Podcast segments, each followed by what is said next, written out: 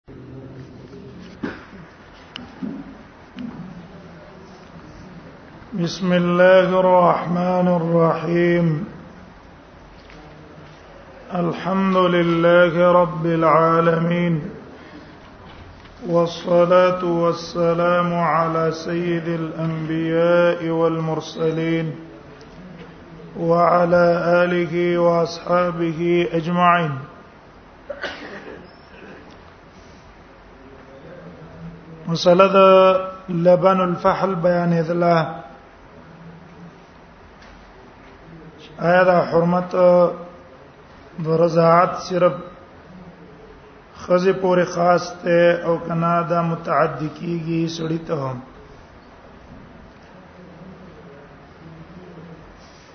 ابتدا کې دا مسله اختلافي وا کوم علما چې وایي پرون موږ بیان کړه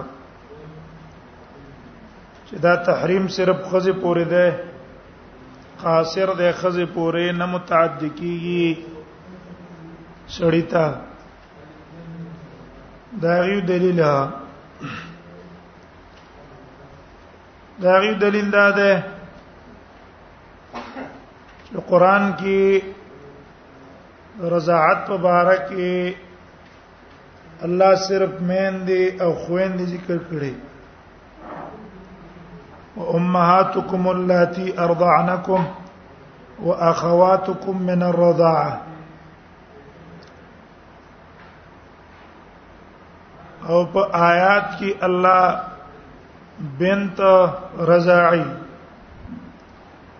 عما د نه د ذکر کړي لکه نسب کې جدا څنګه ذکر کړي د چرته حرمت قاصر نه وي صرف په خزه پورې نو کار دا دی چې هغه هم ذکر کړي وي لکه سرنګي چې په نسب کې ذکر کړي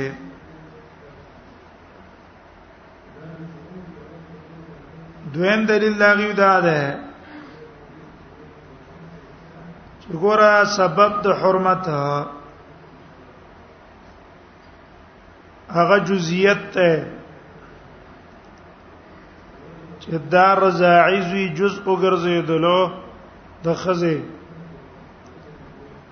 اوس کې یو سړی را ولګيږي نو د پسینه کې پي د بازي کسانو سینې غټي اې کې پېم کله کله راځي د سړي هغه دا سړی را اولګې دو پسینه کې پیو او دای یو ماشومی جنې لور کړو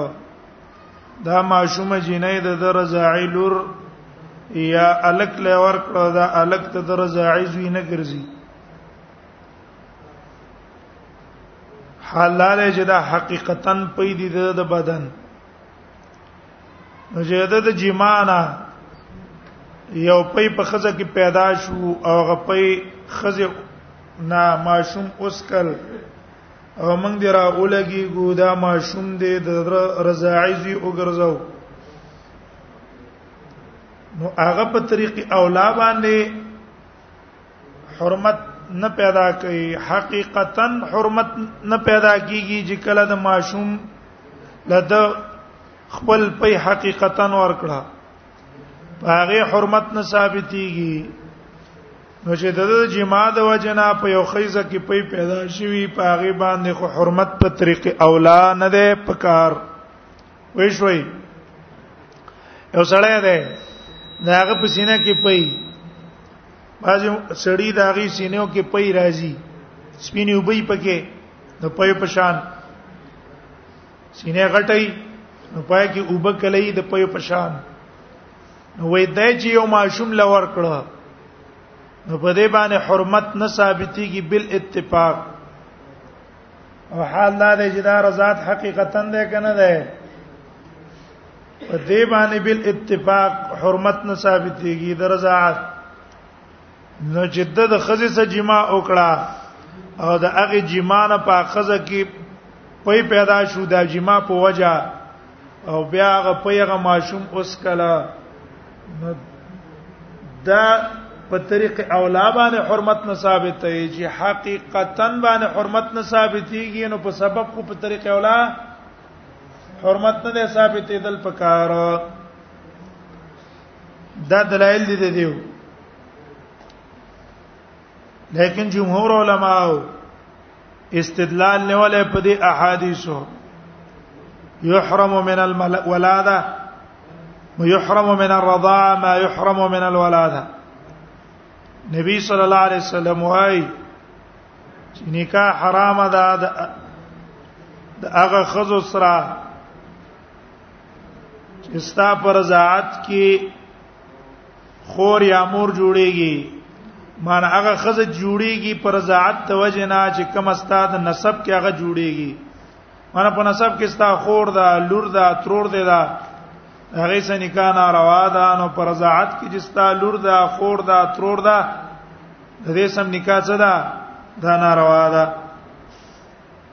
يحرم من الرضاع ويحرم من الولاده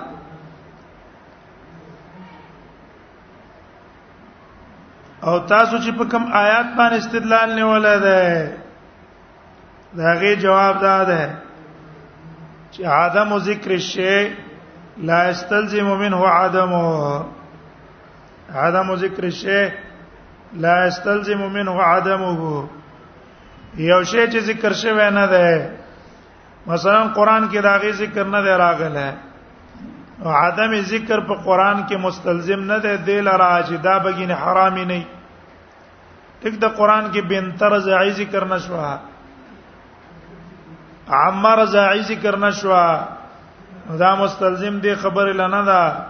یګینه دا اوریرا او عما او بنتا دا بګین حرام نه عدم ذکر د شی مستلزم نه ده چاله را عدم لرا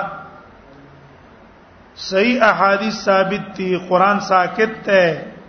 قران ساکت ته او احادیث صحیحه ناطق دي په حرمت دیو احادیث صحیحه ناطق دي په حرمت دیو دیو جن استاس استدلال په آیات صحیح نه ده دویم استدلال چې تاسو نیولیو چې ګوره حرمت په حق د سړی کې حقیق په حقیقت باندې نه ثابتېږي په حقیقت ته رضا چې دا سړی را اولګيږي او ماشوم ته ته ورکی دا ماشوم د رضاعي زوی نه ګرځي نو ګوره چې په حقیقت نه ثابتېږي وې په مجاز او په سبب باندې خو په طریقې اولانا د پکار جواب دا ده چې اول دا خبره کوم د څه اومنه لا دا نو دا ځکه سینه دا چې دا قیاس ته په مقابله د نس کې دا قیاس ته په مقابله د نس کې او قیاس په مقابله د نس کې باطلی قیاس او مقابله د نس کې باطلی غلې څه اعتبار نه دویم جواب دا ده چې دا قیاس فاسد ده دا قیاس فاسد ده ولی د سړی په چې اورودل پاغي کې حرمت نه ثابتېږي او د خزې په چې ول اورودل پاکه حرمت ثابتېږي وجدا ده چې معنا د رضا د سړی په پوي کې نشتا او د خزي په پوي کې معنا د رضا اشتا رضاعت څه ته ویل کی التغذی باللبن د پوي باندې غذا او خوراک حاصل ول او دا معنا د سړی په پوي کې نشتا زګه د سړی دا سینه کې چې کم پي دي دا خو پي نه دي او نه دی باندې غذا حاصلېږي نه به غذا حاصلېږي او نه په دې باندې څه کیږي په دې باندې جزئیت انسان ثابتېږي دې ماشوم بدن ته پیدا نه رسیږي بلکې په زیاده پیدا باندې او ته zarar رسیږي نو تغذی په کې نشتا په خلاف د پي د خزه د خزه پي چې اوس کل نو پاغه پاغه کې تغذی حاصله شو واخو سره ټکیږي انسان کلمی او سکولاویږي بدن او سغټیږي وګوره معنا د تغذی د پوی په خزه د خزه په پوی کې شتا دیو جن التم حرمت وایو او د سړی په پوی کې هغه معنا د تغذی نشتا دیو جن التم څه نه وایو الته حرمت نه وایو خدا اختلاف ابتدا کیو به رستو سره غل اتفاق په دې راغله چې لبن الفحل محرم نه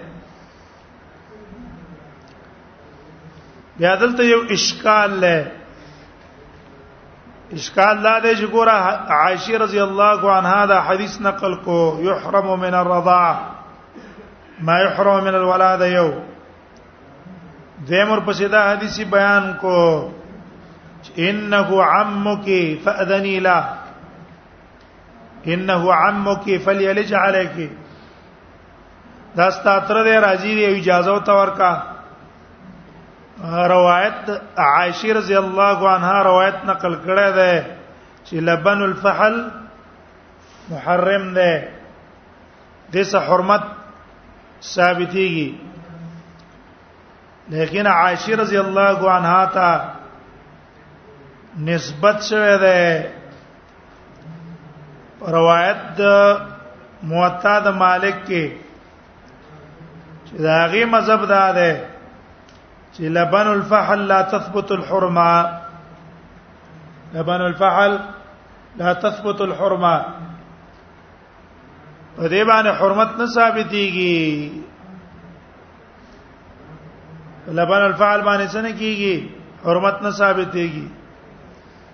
معنا دا الک چې دی یو خزه ته اورو دو دا د خزه رضاعي زوی شو د خزه د خاوند رضاعي زوی نه ده چې رضاعي زوی نه شو د دې سړی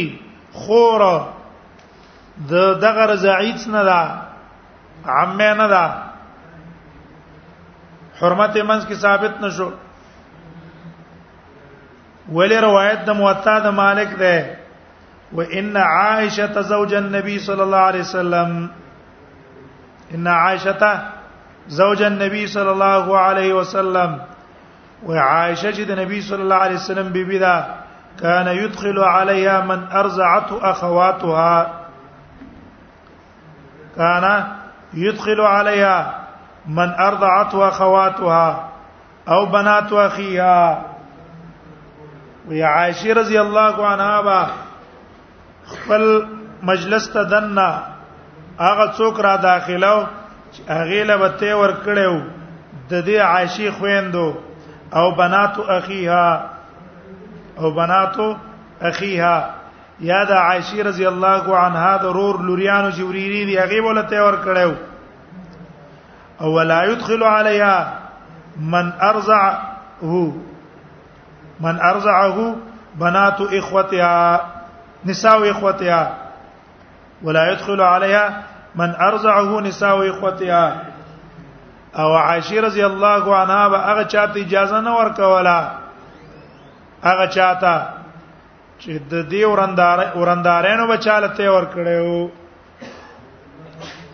دې مطلب دا ده عائشه رضی الله عنها محدثه او استاذه وا غیبت درس کاو چې کوم به محارمو ابه د پردې نه دنه کې نه ول ځان ته مخامخ او کوم به چې محارم نه وو هغه به د پردې نه اخواناستو د عائشه احادیث په لیکل مسائل به زده کول نو کم الکانو لها بچی د عائشه رضی الله عنها اوریرو یا داغي خويندو یا خرزو به ته ول ور کړو نو عائشه رضی الله عنها باغی ته اجازه ور کوله چې دن ناراضي او چې چاله وا د عائشه رضی الله عنها ورندارانو ته ور کړو هغه ته به اجازه نه ور کوله ګوره ظاهر د روایت نه موطا نه معلوم شو چې ورندارو لته ورکو نو دی به هغه تخپل وراره نه ویلو ولی زکا چې تا خوراندارو لته ور کړه چې وراندارو لته ور کو نو دای د ورانداري زوی شو د د دې ضرور زوی نه شو نو زکه به ته اجازه نه ور کوله پوه شو پر روایت موطا د مالک باندې چې د دې د دې خويندې برا اولګې دي چاله به ته ورکو عاشبو ته اجازه ورکول ولی زکا دا به د خور زوی شو د دې څه شو خوره وريرو به چاله ته ورکو د وريري زوی به شو دا به څه شو به ترور شو کنه اجازه به ورکوله دغه سي خورزي به چاله ته ورکو دی به ته اجازه ورکول ځکه د خورزي زوی شو اوراندار به چې چاله ته ورکو نو بیا با عائشه رضی الله عنها غي ته اجازه نه ورکوله او معلومیږي دا ولی چې عائشه رضی الله عنها د لبن الفحل د حرمت قائله نه و دا وې د وراندار زوی شو زما ضرور زوی نه ده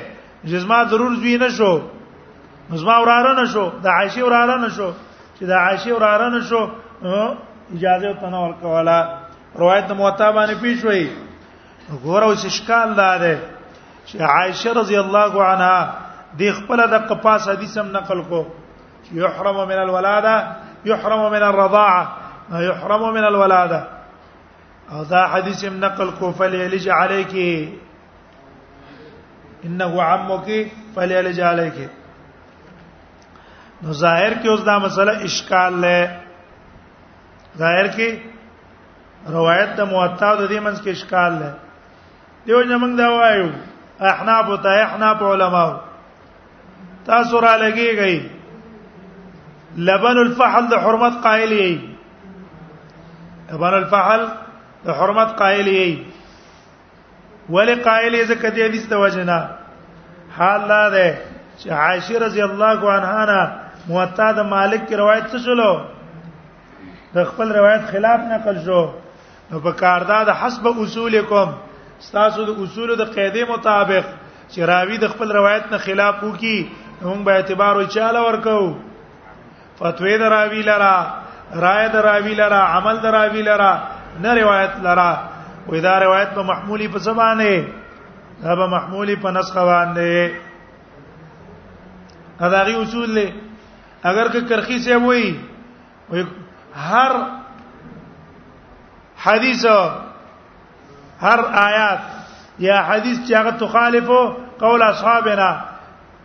فهو اما مؤول او منسوخ زمنګ د ائمه د اقوالو نه خلافي یا به مؤولي یا به منسوخي یا به مؤولي یا به منسوخي دا ولسمه صفحه د اصول الکرخي پای کې دا ذکر کړی دا نو نو دا د هغه خبره ده بس وای دی نو دا دې څه کوي دا دی وای نو په کار دا دی چې تاسو د اصول مطابق دا حدیث منسوخو منسوخ کو او حال دار چې تاسو فتوا په حدیث ورکړی دا د عائشه رضی الله عنها قولا پرخه دیو جن موږ وایو چې دا قاعده د احناف غلطه ده باطله ده اسینه دا خطا ده موږ به اعتبار چاله ورکو روایت لا ورکو موږ مکلفي په تابعداري د پیغمبر صلی الله علیه وسلم نه پر روایت نه په فتوی او په قول دراوی ولی په فتوی او په قول دراوی کې احتمالات شته یو احتمال دا ده کې دیشي دغه خبره یې رشي دیم احتمال دا ده کې دې شي د اجتهاد دی چې دا نه هی دا امر محمول له بسبانه او جواز یا په کراهت باندې او دا دا غي اجتهاد دی زمنګ په نسبانه باندې د حرمت ته پاره او امر به د وجوب ته پاره لہذا موږ په روایت پسې ځو دیو جن علماء را لګی دي دې اشکال جواب کړه د اشکال جواب یې کړه یو جواب باجی سیب کړه ده په شرع د موطا مالک کې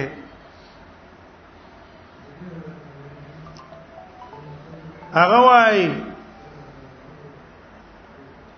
چې وای سیدا دا صحیح چې دا دی راوی ته پر روایت کې وهم راغله اثر راغله ولا صح ان هذا وقع فيه بعض الوهم فيما روي من ذلك عنها ودا دی راوی ته وهم راغله وهم په دې نقل دی روایت کې د عائشه نه ولی وای زکا فلم تکن لتخالف ما سمعته من النبي صلى الله عليه وسلم عائشه رضی الله عنها د نبی صلی الله علیه وسلم مخالفت کوونکې نه و چې خبره د نبی صلی الله علیه وسلم نه دی اوریدلی او دا درا اولګي دا غنه د خلاف کی روایت نه خلاف کوون کې نه و لہذا و دې روایت کې څه راغله و دې روایت کې وهم راغله دی وهم یو جواب دویم جواب ادا کړی دی دویم جواب او دخلت علیها تاویل او دخلت عليها تاويل صرفت به ما سمعته من النبي صلى الله عليه وسلم من عمومه او یا کې دې شي د عائشه رضی الله عنها ته یو تاویل راغلی چې دا غي د وجنه دغه حدیث عمومي نه ده يحرم من الرضا ما يحرم من الولاده هغه د عموم نه خصوص تر واستلې خدا تعویل عائشه کړی د خپل فهم مطابق حدیث عمومي په چا باندې محمول کړي پای کې تخصیصات یې کړې دي د عموم نه اړواله کله چې هغه ته څوام راغلی دیو جن موږ مکلفي بچا په تابعداري د رسول الله صلی الله علیه وسلم نه په فهم عائشه رضی الله عنها اونه داغه په وهم دریم جواب شاول الله کړه شاول الله هغه وای انما كانت عائشه لا تاذن ابناء اخوتها وای عائشه رضی الله عنها به ورینو له اجازه نه ورکوله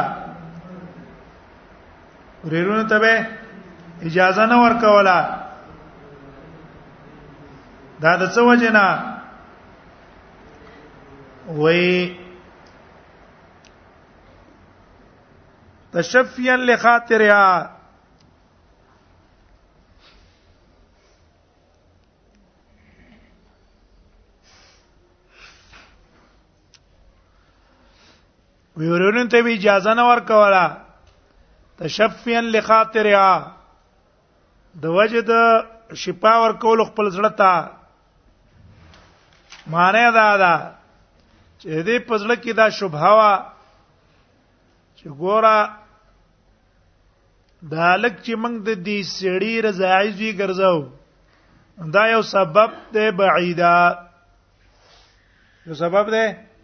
بعیدا د خزې دوی خو ګرځېدو ځکه به دې کې سبب قریبه ده چې جزئیت ده دې کې سبب قریبه ده جزئیت لیکن د زوی د زوی د پلار زوی کوي چې دا یو سبب بعیده ده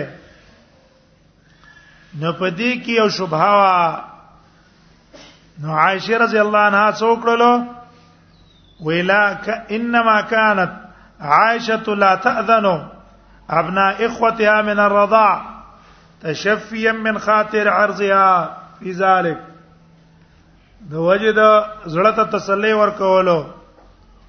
من حيث ان لبن الفحل سبب بعيد جدا زکه لبن الفحل حرمت پیدا کول دا یو سبب بعید ده ډیر نو فکانت تحتجب منهم تورعا و عائشه بد دین ستر تورعا کولو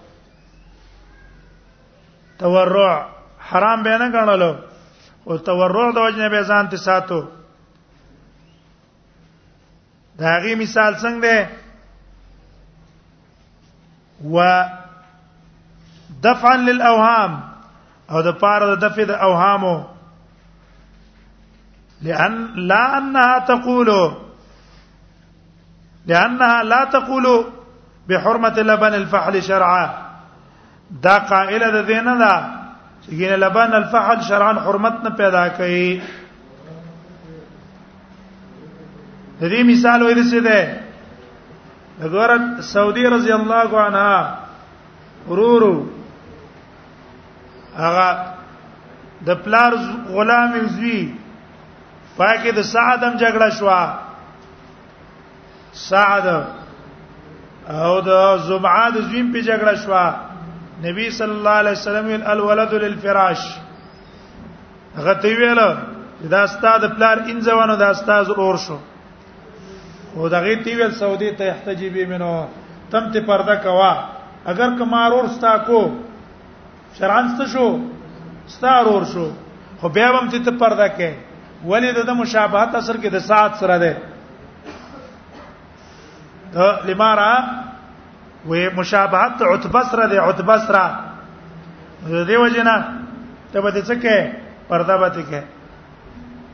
سعد ابن ابي وقاص دغه سره عتبه سره نګوره الته نبی صلی الله علیه وسلم سعودي ته حکم بالحجاب کړي تورعا وی عاشب هم دا کو لیکن په دې کې راجح جواب دا دی څلورما راجح جواب د دې حدیث دا مطلب نه دی چې عائشه رضی الله عنها قائله د حرمت لبن الفحل نوا اقائل دوا د حرمت لبن الفحل ولدا دور روایتونه د نبی صلی الله علیه وسلم نقل کړي دغه حدیث مطلب دا دی چې عائشه رضی الله عنها با هغه کسان چې د دې د خويندو تیبه رودلې او د دې د اوریرو ته به ورو دلو نو هغه ته به په هر صورت کې اجازه ورکولا د دې د خورته د دې د ورېری ته د دې د خورزي ته به چې چارو دلو که په کومه طریقه به ورو دلو هغه ته به اجازه ورکولا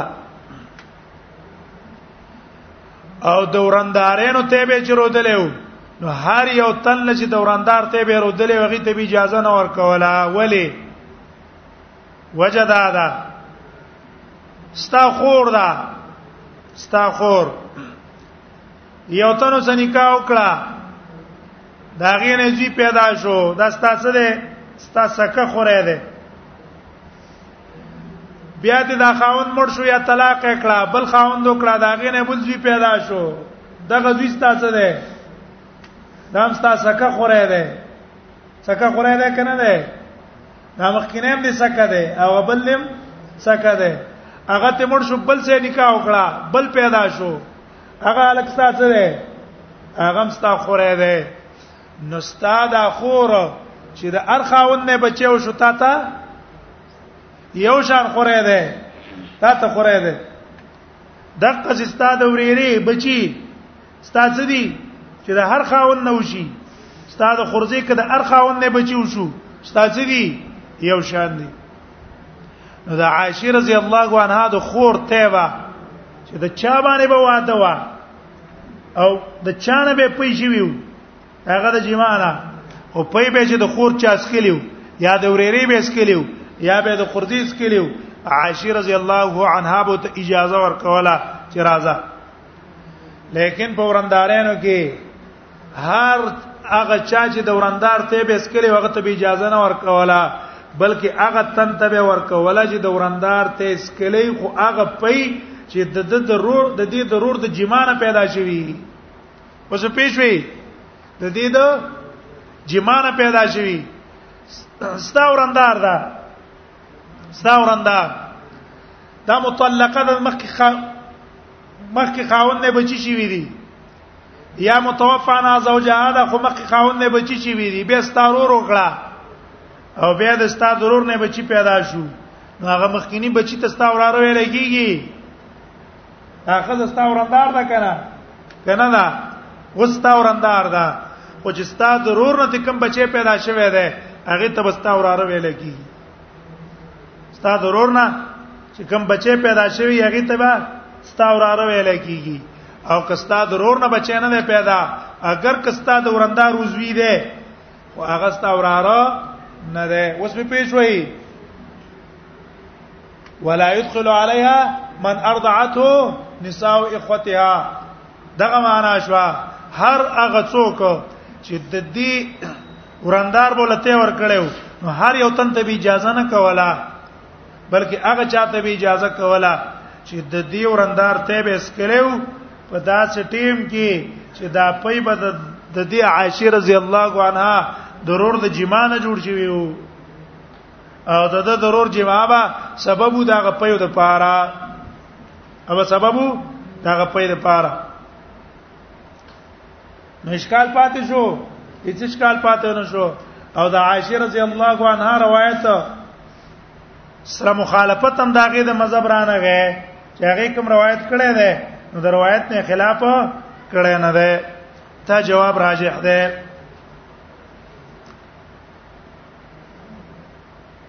وعن علي انه قال يا رسول الله هل لك في بنت عمك حمزه د علی رضی الله عنه نه روایت ده انه قال دیل یا رسول الله اذا الله پیغمبره هل لك في بنت عمك حمزه اشتد استاد پر رغبت فی بنت عمک په لور د ترستا کې چې حمزه ده هغه نه کې فانها اجمل فتاه فی قریش زګه دا په قریشو کې ډېر ډولې جنای ده اجمل قطاتن په قریش په قریشو کې دا ډېر دولی جنای ډېر خسته جنای ده علی ته دا خبره ولې وکړه دا علی رضی الله عنه غرض داو چې زمنګ د نبی صلی الله علیه وسلم سره قربت نورم مضبوط شي نبی صلی الله علیه وسلم ټوله خزي بار قومونه کې وکړي ټوله بار قومونه کې خزي کړي وي خپل قوم کې د خزانه وکړي نو علی غرض داو چې اې دا الله نبی ته دې د خپل د تر لورو کا کنه حمزه ستاتر ده دا غلور ده دا اوکا د حمزه د غلور وا وېدا اوکا ولی یو خود واجب کې دا دی یو خو به تاسو زما خپلوي نوره مضبوطه شي خپلوي هم سم مضبوطه شي نو دې وجه نه وته ویل او بیا ته صفاتم بیان کو فانه اجمل فتات فی قریش فانها اجمل فتات زکدا لور د حمزه چې دا اجمل فتاتن فی قریش ډېر ډولی جنې نه په قریشو کې په قریشو کې ډېر ډولی ځوانم دا او خستم دا فقال نبی صلی الله علیه وسلم تو فرمایلو نبی صلی الله علیه وسلم تو فرمایل او ما علمت ولتا ته پته نشتا ان حمزه اخي من الرضاعه حمزه خو زما رضاعي رور ده د د د الور زما وريره ده وان الله حرم من الرضاعه ما حرم من النسب الله حرام کړي رضاعت نه نکاح کول هغه خود سره چې حرام کړي د هغه سره نکاح په نسب کې نسب کې چې کوم خود سره نکاح حرام وي حق خود سره نکاح کول د رضاعت د وجه نه هم حرام دي بیا علی تداولی ویل چې ګوره ته داو کا نو کې دې چې علی رضی الله عنه ته دا مسله معلومه وا چې د رضاعت د وجه نه حرمت ثابتيږي او دا او ته پته نه و چې ګینه دا د حمزه لور د نبی صلی الله علیه وسلم رضای وریره ده یا دوان او ته معلوم دي دوان او ته معلوم دي چې دا د رسول الله صلی الله علیه وسلم رضای وریره ده او نبی صلی الله علیه وسلم دا حکم هم کړی چې د رضاعي ورېری خرزه سره نکاح ناروا ده خو کې دی شي د ګمان داو چې رسول الله صلی الله علیه وسلم به حکم نه مستثنا وي رسول الله بسوي ابا د حکم نه مستثنا وي داغه د بار به د رضاعي ورېری سره نکاح جایزي ځکه ته دا کړي دریم احتمال غدا د جالی ته دا حکم نه دی معلوم دا ته معلومه ده چې رضاعی ورې رې ده حمزه او نبی سم دوانو تیرو دله دا ته معلومه ده خدا حکم ته نو معلوم چې ګینه د رضاعی ورې رې سره د رضاعی خورزي سره نکاح حرام ده ځکه او ته ویلي به دې څنګه معلوم شو چې یو تن دی په مرتبه کې د چانه خکته ده دله دا جایز دی چې هغه تا هغه چاته مشوره ورکي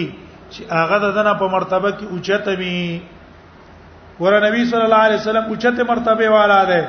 علی خکته ده خو علی نبی صلی الله علیه وسلم ته مشوره ورکي کني ورکي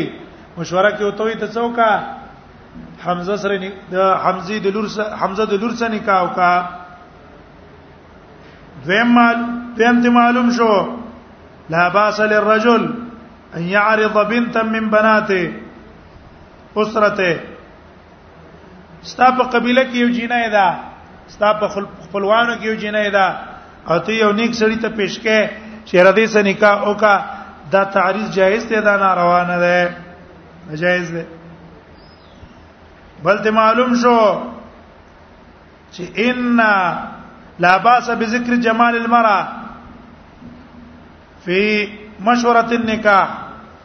یو تل د نکاح مشوره ورکه او تر اولګي پاکي د جنې ډول ته ذکر کې جو وردا خسته جنې دا ډولي جنې دا وېکا یا او توې جره کې خو ګور رنگ نه خنا دا دا جایز دي ګور نبی صلی الله علیه وسلم ته علی سوی ان انها اجمل فتاه فی قریش دا په قریشو کې ډېر ډولي جنای ده بلته معلوم شو ان الجمال دخلا في الرغبه في التزوج بامراه سړی یو خې سه نکاح کوي کنه دا هغه سره په نکاح کولو کې د ډول د پاره په کې ډېر دخل لې وعن ام الفضل قالت ان نبي الله صلى الله عليه وسلم قال دو مل فضل نه روایت ته رسول الله صلی الله علیه وسلم فرمایلی دی لا تحرم الرضعه او الرضعتان ام الفضل وی نبی سره من کنا استو دې کې اوسړه راغې نبی سره ته چې دا الله نبی زما یو خزوا دا غیر پاسه بل جینې وکړه اوس تا مشرۍ خزوای چې ما ستاد کشري دا تا چې کوم جنې وکړه دله ماته ور کړې دله ماته ور کړې دله ماته ور کړې اے د الله نبی وس آیا دې سې نکاح جائز ده کنه نبی صلی الله علیه وسلم فرمایله ک یو ځلې تیر ودلې یا دو ځلې تیر ودلې خیره حرمت نه ثابتېږي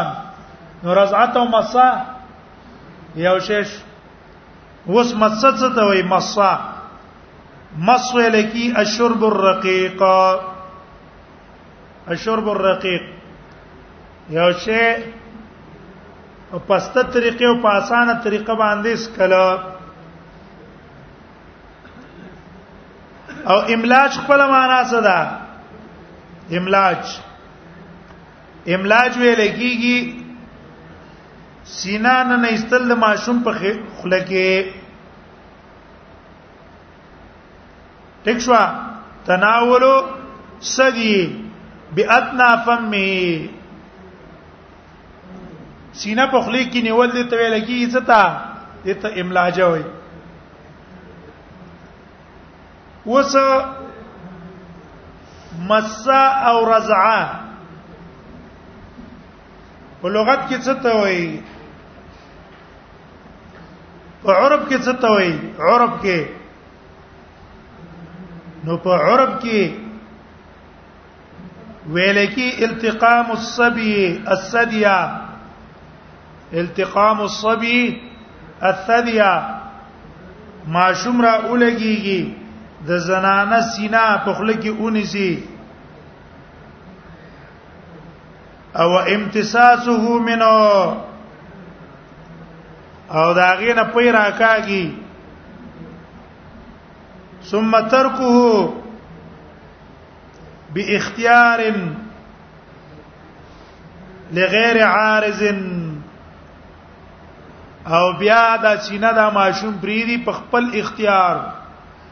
دا مور د سینې نه باسي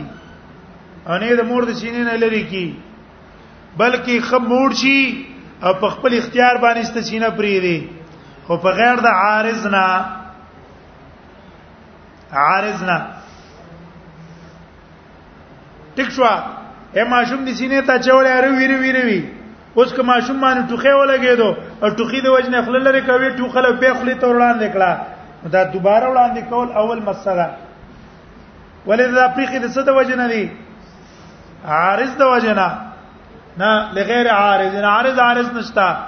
مور ته نه جدا کړي ټوخي د وجنه نه د پریخي بلکې خو په خپل توبې ته سکی پریدي سای بند شو سا روي روي او سای بندې کې استفری دي سا واخلي بیا تر وړاندې شي نو دو ځل او درې ځل او څلور ځل او لس ځل چې دا قصې وکړه دا ټول په پڅې حسابيږي یو ځل به حسابيږي دا په عرب کې دي ته ویل کی ابن قیم رحم الله بیا وای ابن قیم رحم الله وای وې دغه معنا د شرع امدا دا معنا د چا ده دا د عرب معنا د شرع هم ده وی وجه دا ده لأن الشرع ورد بذلك مطلقا شریعت په دې باندې مطلق راغله او قاعده دا ده چې شریعت کې الفاظ استعمال شي لازم کې کې نه وای چې قران او حديث کې الفاظ استعمال شي نو که قران او حديث کې خپل تشریح راغلی و نو حمل د لفظ شرعي په معنا شرعي په مقدمه یې پچا عرف په لغت ویږي یو لپاره شریعت استعمال کو او شریعت په خپل معنا مو کړه او دغه معنا د عرف او د لغت نه خلاف وا نو دا لفظ شرعي به مونږ په چا حمل کوو چا به حمل کوو دغه معنا شرعي د دې قاعده مطلب دا ده چې حمل د الفاظ شرعیه مقدم به په معنا شرعي اکشوا حمل د الفاظ شرعیه مقدم به په څه کې په معنا شرعي څه معنا دا به ول حمل کو په معنا شرعي عرب ته بنو ګورو دغه څه لغت ته بنو ګورو او که الفاظ شریعت کې مطلق ذکر شوی وو نو بیا به حمل کو په عرب باندې عرب چې داغه څنګه تشریح کړي وا د نبی صلی الله علیه وسلم او صحابه په زمانہ کې هغه به حمل کو ټیک شو او که عرب هم تشریح نه وکړي نو به به رجوع چاته کو لغت ته به کو لغت وګوره دا اول مثال قران کې لفظ د وضو ذکر شوی دی وضو تکشوا وضو لغوي معنی څه ده لا سنزل خو شری معنا څه ده خلې پوز توبه چول مخینزل سر باندې مسح کول لاسونه خپینزل دا شری معنا نه کنه نو قران کې چې لفظ د وضو ذکر شو یا احادیثو کې لفظ د وضو ذکر شو یا لفظ د صلات ذکر شو نو کومه معنا وي اقیم الصلاه صلات لغوي معنا هم ده شرعي معنا هم ده کومه معنا به موږ خپلو شرعي معنا به خپلو اتو زکات کې د قصې واخله او که شری معنا نه عرفو اگر داغه مثال خوف ته خوف حدیث کې راځي مساله خوفه مسحا علی خوفه مسح په خوفینو باندې کړي نو اس نبی سم تشریح کړي د خوفه نشته په قران او حدیث کې عرب ته چې موږ رجوع کړه عرب وایي چې موږ خوب څه ته وایي کله ما یلف علی الرجل هر هغه شی چې په خبره تاویږي ته څه ویل کیږي خوب ویل کیږي دا عرب د کوم ځای نه ده صحابه انس رضی الله عنه وړی جرابې چولې وې د څه شي د وړی او هغه ته خوب ویل خوب وې دا څه شی ده دا خوب ده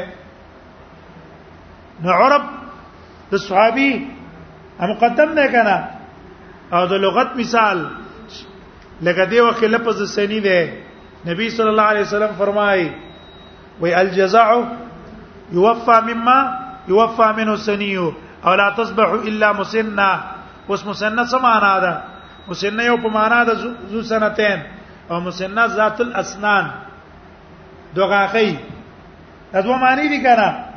اوس به موږ رجوع کوو لغت ته نو لغت کې چو قتل په لغت کې اکثر معنا ده مسنک کوم استعمال شوی من له الاسنان اوس په پیښه کې په پینس وایي دا کړه کوم ځین ته پرې وتا یو لفظ شری استعمال شي نو اول به حمل کو پچا په معنا شرعي که معنا شرعي نه وه به حمل کو په معنا عرفي او عرفي نه وه به حمل کو په معنا لغوي نو دلتم رضاعت مطلق ذکر شوه رضاعت چې رضاعت مطلق ذکر شو حمل به بچا کو حمل به په کو په معنا شرعي باندې کمانا شرعي نشتا مطلق ذکر ده نو په عرفي معنا باندې به حمل کو عرب کې مدقه توي چې ما شوم سینه وری وی او په خپل اختیاري پری دي په غیر د عارض نه عارض څه ټوخه ده حبس النفس ده وغیر ذلک د دې نه په غیر پرې خوستلا دا په یو ورځ باندې حسابيږي نو لا تحرم المض